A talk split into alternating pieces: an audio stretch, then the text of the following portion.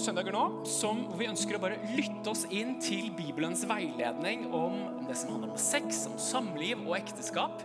Eh, og Forrige søndag så fikk vi høre Silje bare dele så vakkert.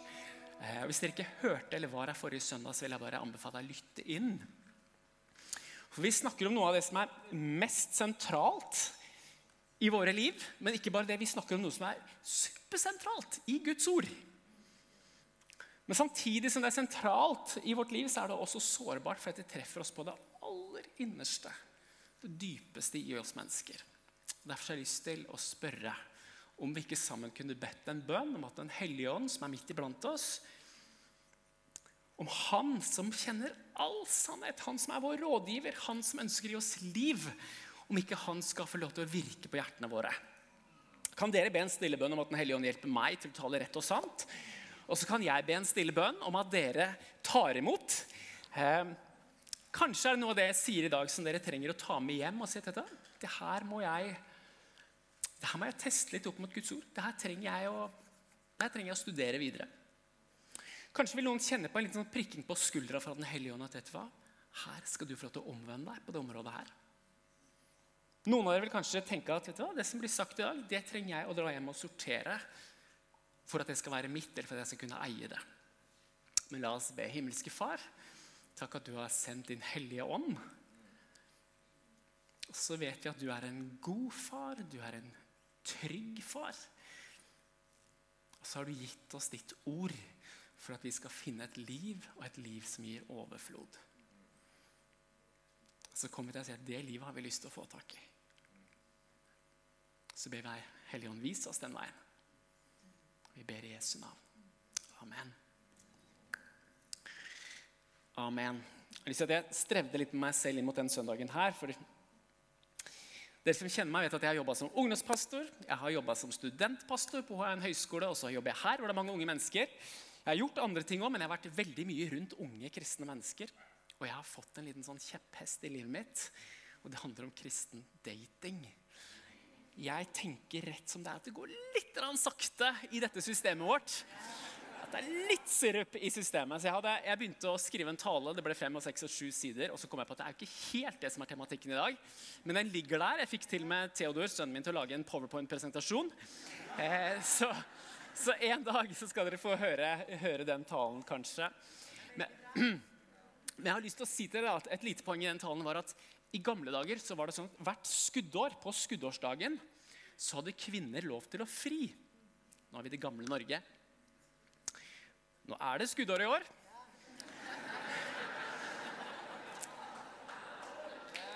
Det nærmer seg skuddårsdagen. Hvis det er noen jenter her som kjenner at her er det litt sirup i systemet, så er det her dagen for å steppe opp. altså.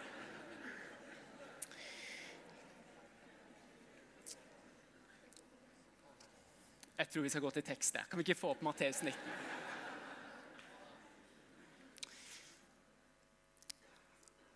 Matteus 19, fra vers 3, så leser vi. Noen fariseere kom for å sette ham, Jesus, på prøve, og de spurte har en mann lov til å skille seg fra sin kone av hvilken som helst grunn. Han svarte har dere ikke lest at skaperen fra begynnelsen av skapte dem som mann og kvinne? Og sa derfor skal mannen forlate far og mor og holde fast ved sin kvinne, og de to skal være én kropp. Litt bakgrunnsinformasjon. så var det sånn på, på Jesu tid eller akkurat her sånn, så foregår det en diskusjon, en teologisk diskusjon mellom to skoler, te teologiske skoler. Hvor En rabbiner som heter Shemai, han sier at dette var eller det de diskuterte var Hvordan skulle de tolke Moses sitt bud om skilsmisse? For det står I 5. Mosebok kapittel 24 vers 1 så står det at en mann skal kunne skille seg alltid mannens rettigheter, vet du, at mannen skulle få skille seg hvis kona gjorde noe som var usømmelig. Og denne Rabbineren han tolka det på den måten at når det står 'usømmelig', så mente Moses noe som var seksuelt utroskap. Det var sånn han tolka det, at Da åpnes det opp for skilsmisse. Mens en mye mer liberal filosof eller eh, rabbiner og, og tenker, han sa at dette var alt som bringer anstøt til mannen, gir grunn til å kunne skille seg. Altså Om kona svir maten på kjøkkenet, om kona ikke lenger er like attraktiv å se på, så har Moses gitt oss en åpning for skilsmisse. Så Det er bakgrunnen. Og Her ønsker de å trekke Jesus inn i denne samtalen. Jesus, er du liberal, eller Jesus, er du konservativ? Leser du Dagen, eller leser du Vårt Land? Gud, hvor er du?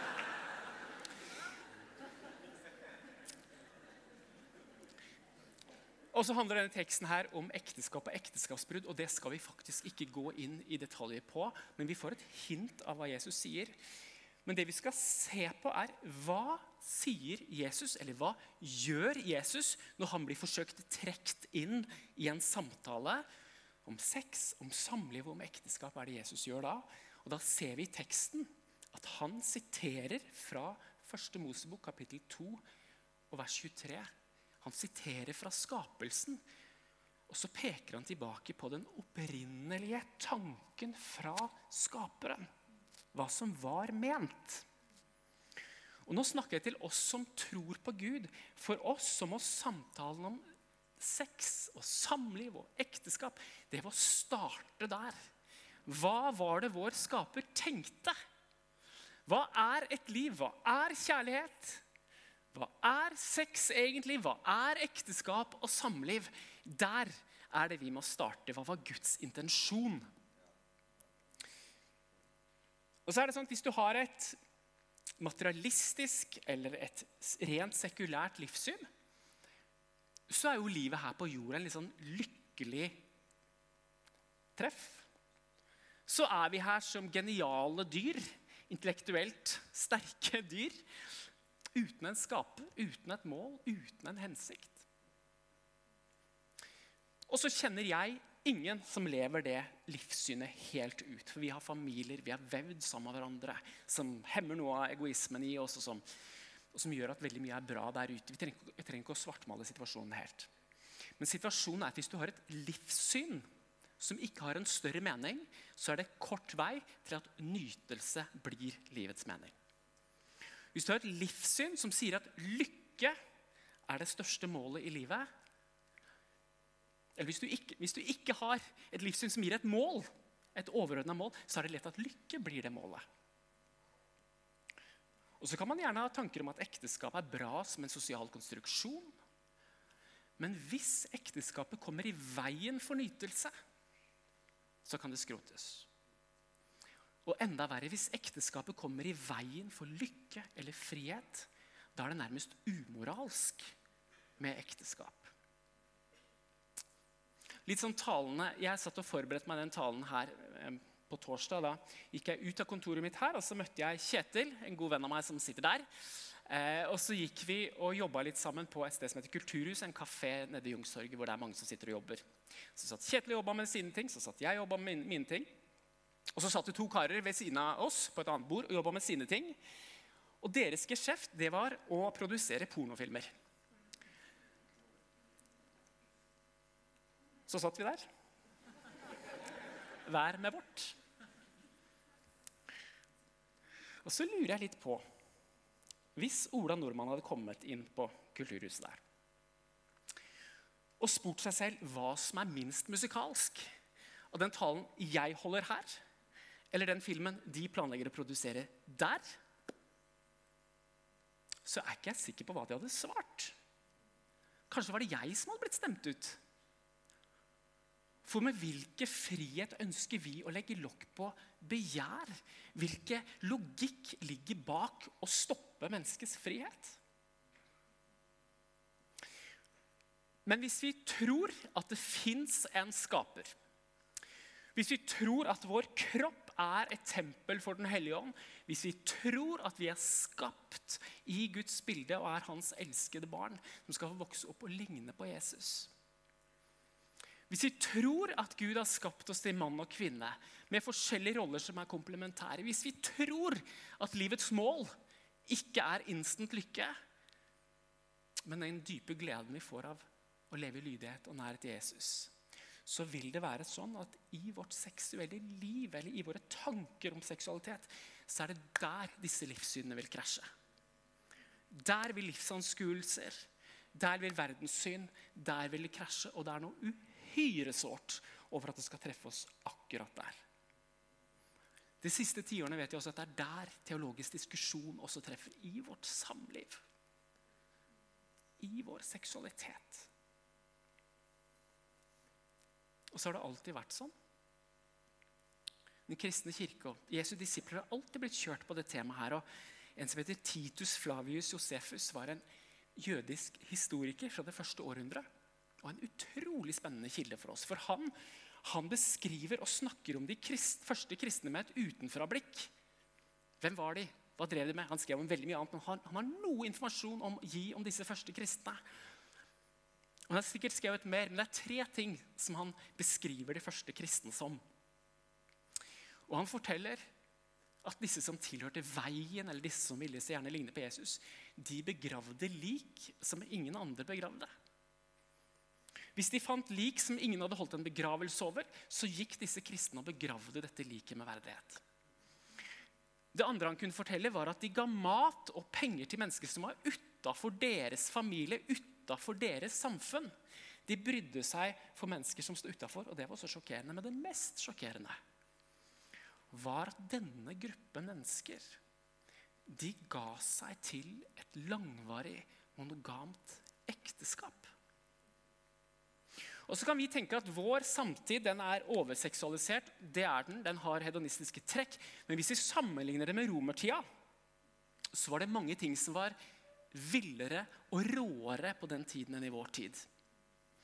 Og midt i den kulturen så vokser opp en liten gruppe mennesker som med sitt samliv bekjenner troen på Jesus. Så vokser opp en gruppe mennesker som tar sex inn i rammen av et livslangt kjærlighetsforhold. Og som tar ekteskapet inn i rammen av en pakt som de inngår innenfor Gud.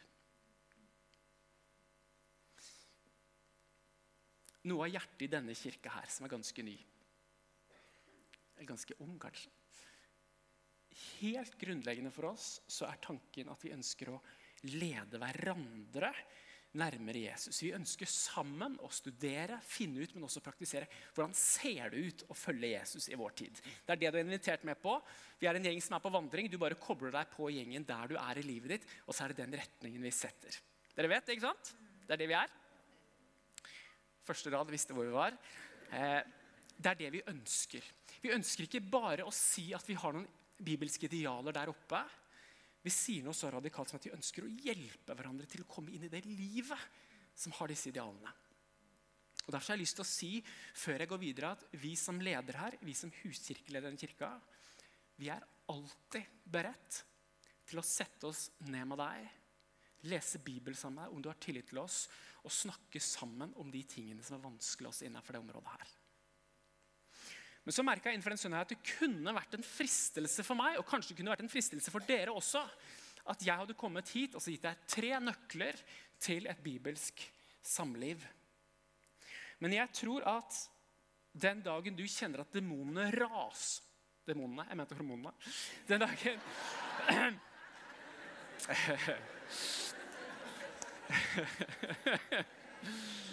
Noen mener at det er det samme. Men den dagen du kjenner at hormonene raser i kroppen din, og du kjenner at det å være singel river og sliter i deg, den dagen fristelsen både banker på dører og vinduer, så trenger du mer enn å vite hva jeg tenker om dette. Så trenger du å eie en slags bibelsk visjon av det vi snakker om nå.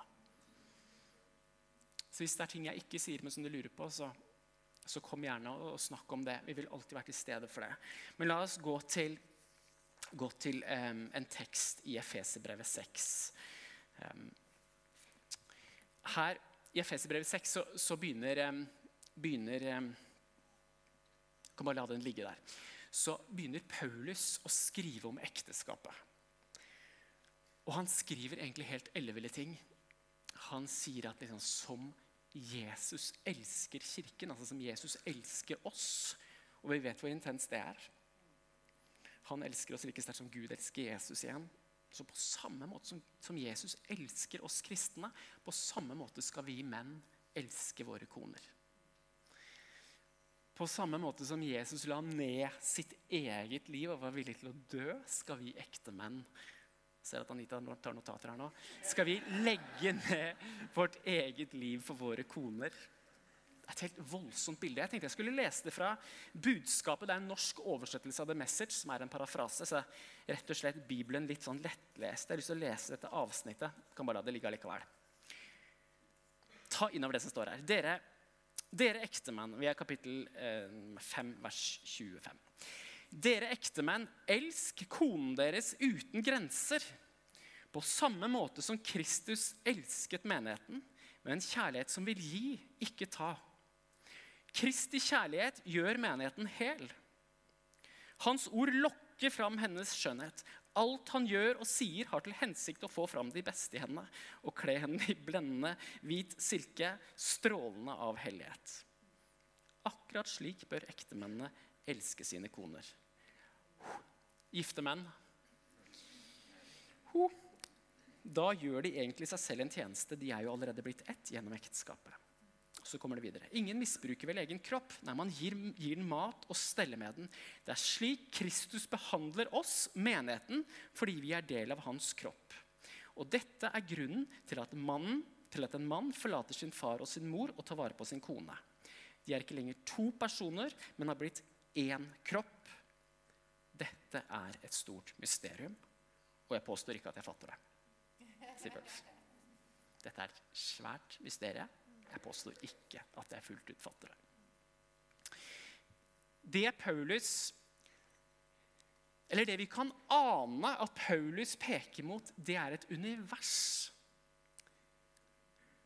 Et univers av at kjærligheten mellom mann og kvinne er et bilde på kjærligheten mellom Jesus og menigheten. Og Hvis du vil utforske det universet, så er det utrolig mange dype tanker og åpenbaringer i den tematikken der. Så kan vi ane noe i det menneskelige. Det ordet sex kommer opprinnelig fra ordet avkuttet. Det er noe som er kuttet, det er noe som, er, eh, er noe som har, eh, har blitt delt og som har blitt dratt fra hverandre som gjennom drifter, som gjennom lengsler drives mot hverandre igjen. Og vi kan, vi, kan, vi kan, skjønne det i et, i et, rent menneskelig bilde. Når Adam skapte Eva, hva han gjorde? Han tok en del ut av Adam. Og skapte kvinnen. Han skilte noe ut ifra Adam. Det ble to vesener, to individ, som drives mot hverandre igjen. Mot et seksuelt samliv hvor de blir én kropp. Det er gudskapt, gudvillet, og det er vakkert. Og det var sånn det var tenkt så kan vi som tror, vi kan også ane en enda større historie.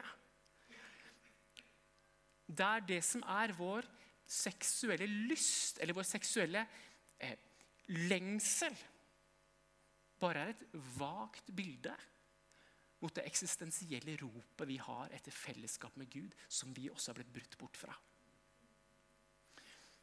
Så kan hende du sitter her og kjenner at min sterkeste lengsel vet du, det er sex her og nå. Kanskje ikke her, og kanskje ikke nå.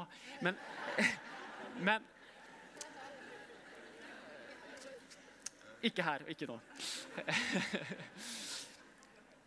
Men du kan sitte og kjenne i hverdagslivet at det er en drivende kraft i meg. Det river i kroppen min. Det er min sterkeste lengsel. Og vite at det er gudskapt lengsel. Men så sier Bibelen at under der så ligger det en lengsel som er enda dypere. Ikke alltid at vår sterkeste og dypeste lengsel korresponderer. Men den dypeste lengselen vår, som er der også om du er seksuelt tilfredsstilt, det ligger en dyp lengsel der etter forening med Jesus Kristus, som vi ble brutt bort ifra. Og så er den gode nyheten her at en dag så skal dette forenes. En dag så skal alle mennesker oppleve ekteskap å oppleve bryllup. På den andre siden skal alle få sangen på det røde og det rosa og det blå arket. Hele den bibelske historien dras mot dette bryllupet, der vi som har blitt brutt av fra Gud, skal komme sammen igjen, hvor det med Guds nærvær ikke bare er en bønn eller et glimt av en opplevelse, men en virkelighet vi skal få leve sammen i. Det er den store bibelske fortellingen. Og så er ikke Bibelen heller flau for å bruke den metaforen av mann og kvinne til og med også seksuelle uttrykk som beskriver denne kjærligheten. Og etter Det forteller oss at seksualitet er skapt som noe rent, som noe eh, integrert i våre liv, og også som en åndelig veiviser. Det er noe som peker mot noe som er større enn seg selv. Og jeg tror at i våre samtaler om sex og om samliv så må vi jobbe med bare ha den store himmelen over det vi snakker om. Vi må eie den historien. At denne lengselen er et bilde på lengselen mellom Gud og mennesker. Jeg krever ikke det hver dag. Men at vi eier noe av forståelsen av at Bibelen, Bibelens historie drar oss mot et bryllup, og den lengselen stikker dypere enn den rene seksuelle lengselen. Selv om den kan være sterk også. Og jeg tror at noe av grunnen til at Guds ord eller Bibelen kan være så tydelig og så hard mot det vi beskriver som hor eller sex uten vekskapet, det er for at Gud er livredd for at ideen eller ryktet eller tanken om at Guds kjærlighet skal være drevet av begjær eller skal bli drevet av flyktighet. Fordi det seksuelle samlivet peker mot Gud, så er Gud opptatt av at det ryktet ikke sprer seg, at Guds kjærlighet er drevet av begjær.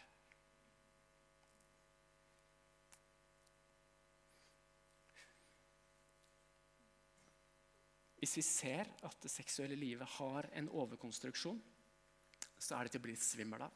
Det er et stort bilde.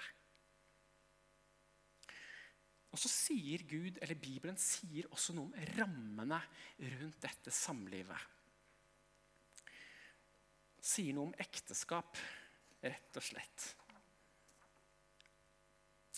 I skapelsesberetningen så står det jeg tror vi får det opp det her også, det er dette verset som Jesus siterte, og som ligger til bunn for noe det jeg sier nå i dag.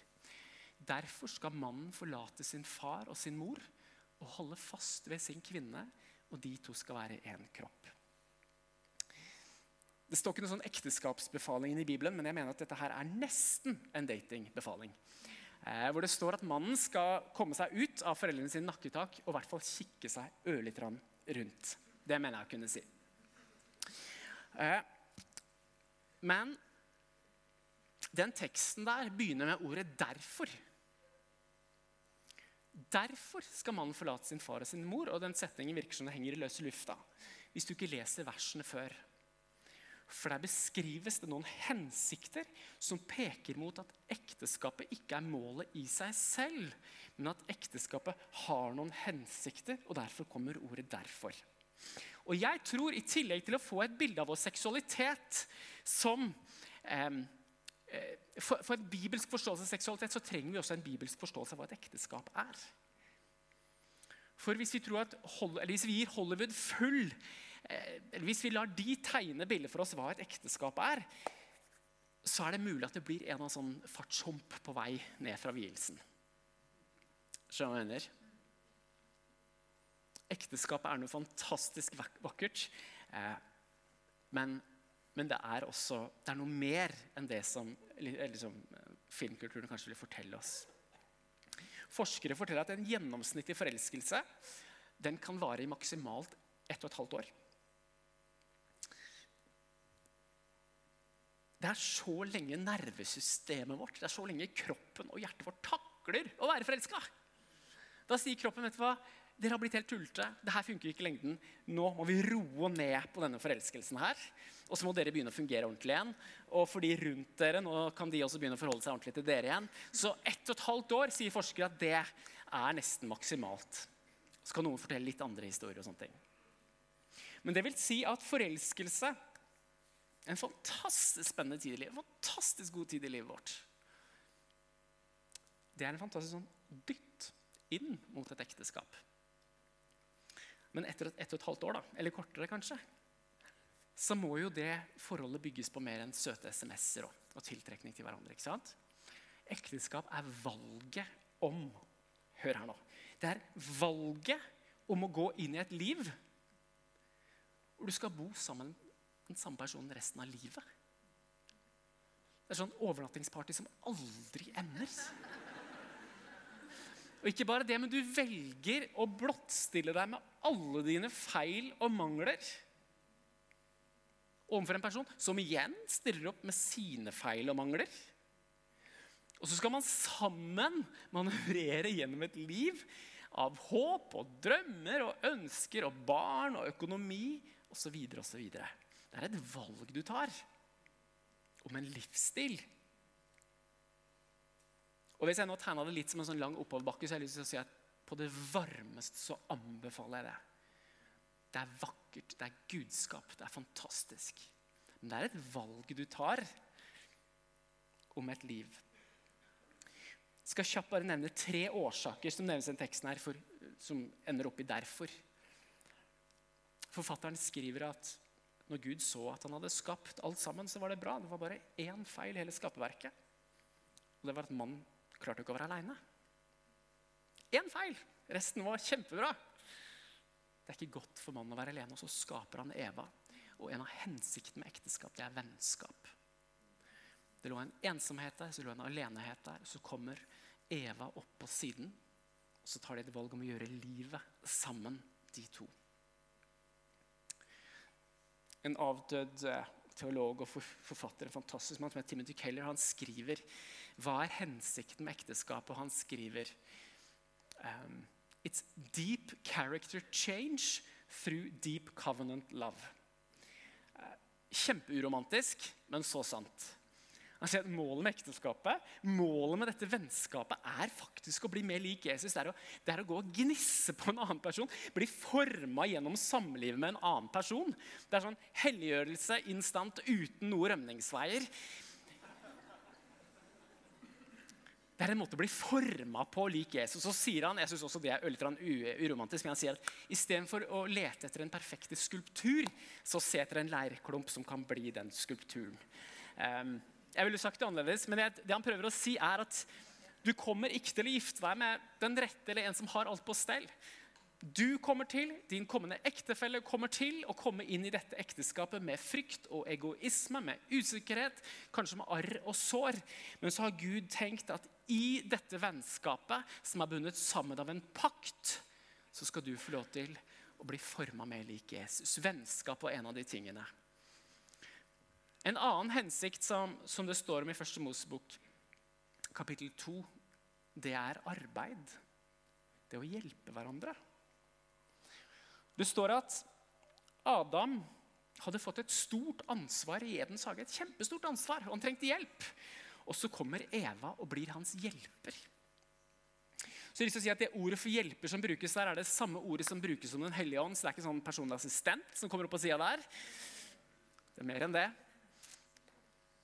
Men det er også en del av ekteskapet å bli et arbeidslag som sammen kan gjøre en tjeneste for Gud i hagen.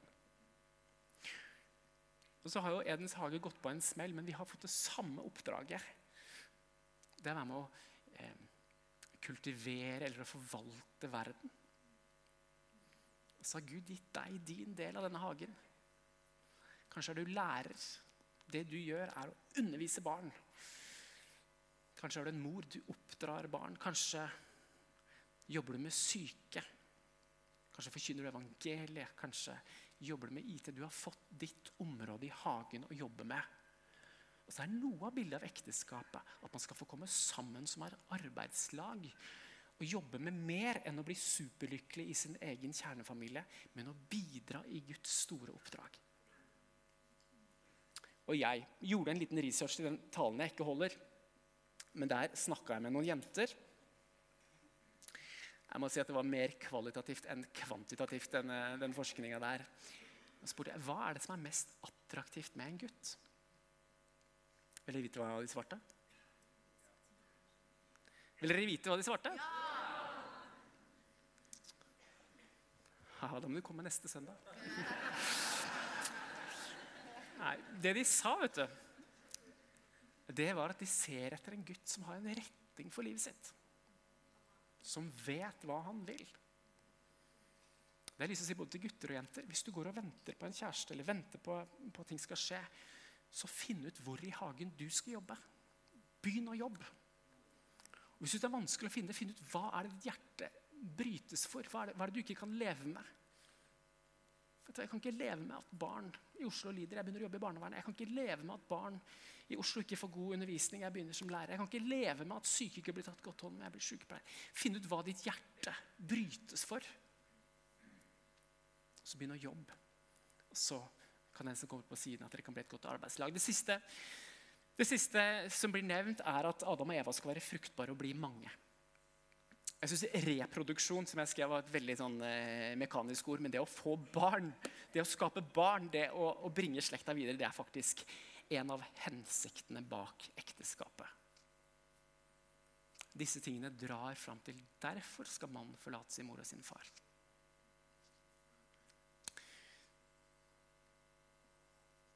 Når vi ser at sex er et bilde på Det er mye mer. Det er noe vakkert, det er noe gudskap, det er noe som skal, som skal funke. Men hvis vi ser at det med sex også er et vagt bilde av dragningen, av lengselen fra Guds hjerte mot mennesket og menneskets hjerte mot Gud, så gjør det, noe, gjør det sex til noe større. Hvis vi ser at ekteskapet er et bilde på det vennskapet Gud ønsker med oss For Hvis vi tar et skritt tilbake Vennskap Hvem er det som har sagt at han vil være hos oss alltid, aldri forlate oss, aldri svikte oss? Hvem har forma oss? Er ikke det Gud? Hvem er det som kaller oss med på sitt arbeidslag, som ønsker å gjøre ting i det store oppdraget sammen med oss? Er ikke det Gud? Hvem er det som sier at hvis, hvis, du kommer og følger meg, skal jeg gjøre deg til en menneskefisker? Hvis du bare er hos meg, skal vi få lov til å bære frukt sammen? Hvem er det som sier? Er ikke, er ikke det Gud? Så hvis vi ikke bare får et bilde av at sex har denne, har denne himmelen over seg, men også at ekteskapet er et bilde på det forholdet vi, vi kan ha med Gud, så skjer det to ting. Det ene som skjer, er at disse tingene blir mye større, og vi blir litt mo i knærne, og vi får litt ærefrykt rundt det. Det andre som skjer, er at vi ser at det går fint an å leve som singel og ta del i dette her. Du kan leve som singel og fullt ut ta del i lengselen og kjærlighet mellom Gud og menneske. Jeg satt i en sammenheng og snakka med noen om dette. her, og Så var det en, en voksen dame der som lever som singel, som bare satte så ord på et liv av å være på plass. Å være landa i sitt eget liv. Fordi at disse to tingene, dette ekteskapet med Gud, denne lengselen med Gud, at det er der. Og jeg har lyst til å si at hvis du må velge mellom å ha dette bildet helt på plass sex, ekteskapet, dette som er et bilde på det som ligger bak, og ha det 100% på plass og skyve det andre ut i periferien. Eller ha det andre på plass. Men å se at det med ekteskap, det med sex, at det skyves litt ut i periferien i livet ditt, så ville jeg valgt livet med Gud.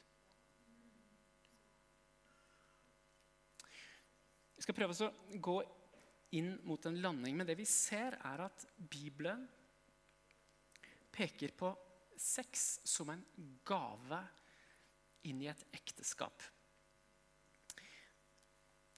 Sex er rett og slett et paktstegn for et ekteskap som inngås i en seremoni hvor det avlegges en ed. Vi vet at I jødiske bryllup ikke i dag, men, men, tidligere så var det sånn at den seksuelle akten var en del av vigselsritualet. sånn som vi ville sagt Det Det er et stempel på at denne pakten er inngått. Så konkret Rett og slett. Og så vet jeg at Denne gaven er ikke da bare gitt for denne ene gangen, men det er til forfriskning og fordypning av denne pakten som Gud har gitt oss. Og Så kan du sitte her og tenke men jeg er et ganske stabilt kjæresteforhold. Så jeg har lyst til på en veldig mild måte å si at gode intensjoner er ikke det samme som en pakt.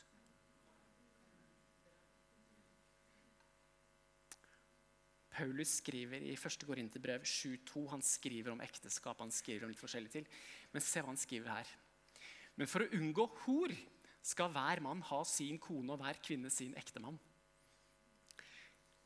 Det han sier er før her, at han rabler litt om at han syns det beste hadde vært å være aleine sånn som han.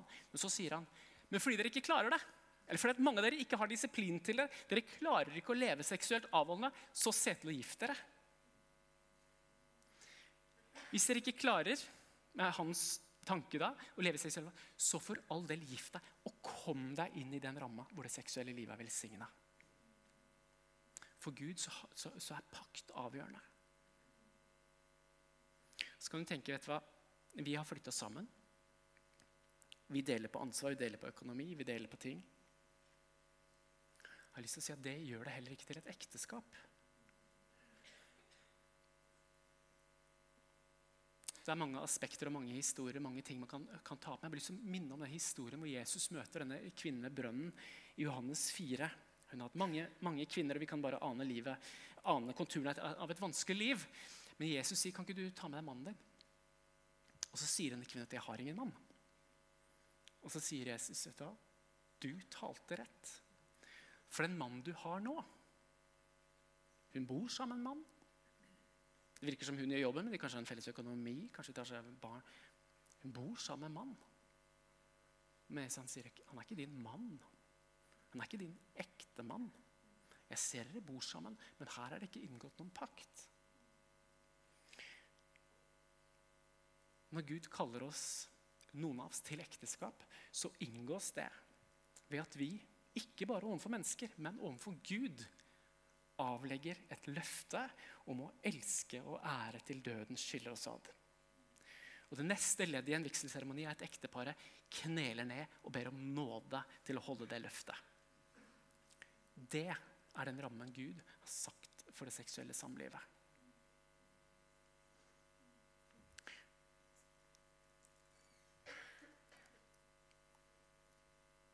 Og så kan det virke som dette er et kjempestort offer. Og det tror jeg det er. Så kan det virke som dette er innmari kjipt. Og det vil være situasjoner hvor det føles absolutt sånn. Men så tror vi også, ikke helt sånn i løse lufta, men vi tror fordi vi har erfart på så mange områder, andre områder i vårt liv, at Guds vilje er den beste viljen. At Guds vilje ikke bare er å bokse ting inn, men at det, det fører til liv og liv i overflod. Det er det livet vi vil ha innerst inne. Jeg ba en bønn om at eh, når jeg skulle si noe om dette her, sånn at, at vi skulle Det er fint å høre min røst, men jeg tror mye mer at, at du kan få til å høre Guds røst. Um, for når han kaller deg til å følge seg, så er det også noen ting der som Gud spør er du villig til å leve også på dette området etter min vilje.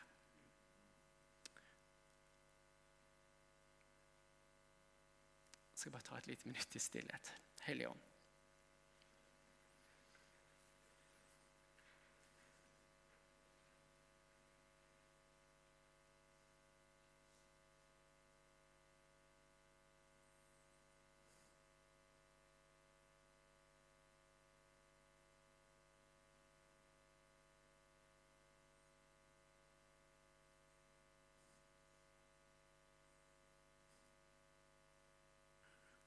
Jesus Kristus. Jeg følte meg litt minnet om å fortelle en vits. Jeg må fortelle en vits som har en mening, tror jeg. Det var to jegere som skulle ut på elgjakt. Dette er nord i Amerika. De skulle til store områder, så de ble flydd med et fly til stedet hvor de skal jakte. Og Så sier piloten på flyet at vet du hva, jeg henter det her samme sted om en uke. Og de går i gang med å jakte, og de er dyktige jegere, og de skyter seks elg. Og Så får de dratt disse kadaverne til flyplassen etter en uke. Som avtalt så kommer denne flypiloten ned for å ta dem med. Og så sier, disse, så sier piloten hallo, seks døde elger er ko-ko. Det er ikke plass i denne flykroppen til seks døde elger. Men de står på sitt og sier kom on, vi prøver alt vi kan. Og han sier nei, det går ikke. De sier vi prøver. Han sier nei, det går ikke, men de betaler, så de prøver å få pressa seks elger inn i dette flyet her. De får så vidt slått igjen døra. Men de får bare tatt av. Jeg tror det går 30 sekunder, og så bare stuper de rett ned i skogen. Og mens han ene, ene jegeren henger i et tre, og den andre driver og gnir gjørme ut av øynene på bakken, så sier han ene Vet du hvor vi er? Nei, sier han. Men jeg aner meg at vi er 30 meter vest for der vi landa i fjor.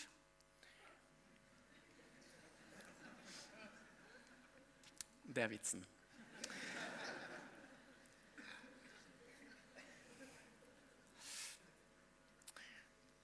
Av og til så gjør vi de samme tingene om igjen og om igjen og om igjen bare for å oppleve at det krasjer. Og jeg har lyst til å si til deg at Hvis du prøver å pakke dette flyet ditt litt for full, og Gud prøver å advare deg, og du krasjer gang på gang, så kan dette være en kveld for å si at jeg pakker sånn som du ønsker at jeg skal pakke for den vandringen her. Jeg har møtt så mange mennesker som ønsker å følge Jesus, men akkurat på dette som handler om sex og samliv, så skjærer det seg. Så prøver man å få det til. Men så er det vanskelig å trosse Guds vilje over lang tid, over en lang reise. Så Jesus, hjelp oss. Vi skal rett og slett gå inn i nattverdenen. Og du kan tenke sex, nattverd og samliv er en rar kobling, men det er ikke det. Det er en veldig god kobling. For en av sidene ved nattverden er at det er det vi kaller et profetisk måltid. Det er at det vi gjør her, skal minne oss om det som skal skje der. I evigheten. Og det er en bryllupsfest. Så når vi kneler ned, eller når vi tar imot noe fra Jesus, så kan noen tenke at dette var Uansett hva som skjer, så skal jeg en dag oppleve et bryllupsmåltid. En dag der framme så skal alle mine lengsler bli møtt i det evige vennskapet, det evige forholdet med Jesus Kristus. Og så er det andre her som kan bruke denne anledningen til å knele ned og si vet du hva, Gud, ikke min vilje, men din vilje. Andre kan knele ned og si Gud, gi meg styrke til det livet som jeg forsøker å leve. Og ta imot brød og vin. Gi meg styrke, Gud. Gi meg ditt liv. Andre kan få ta imot bare som en bekreftelse på at jeg tror på Jesus Kristus. Du har hørt en podkast fra Imekirken Kollektivet. Følg oss gjerne i sosiale medier for inspirasjon i hverdagen.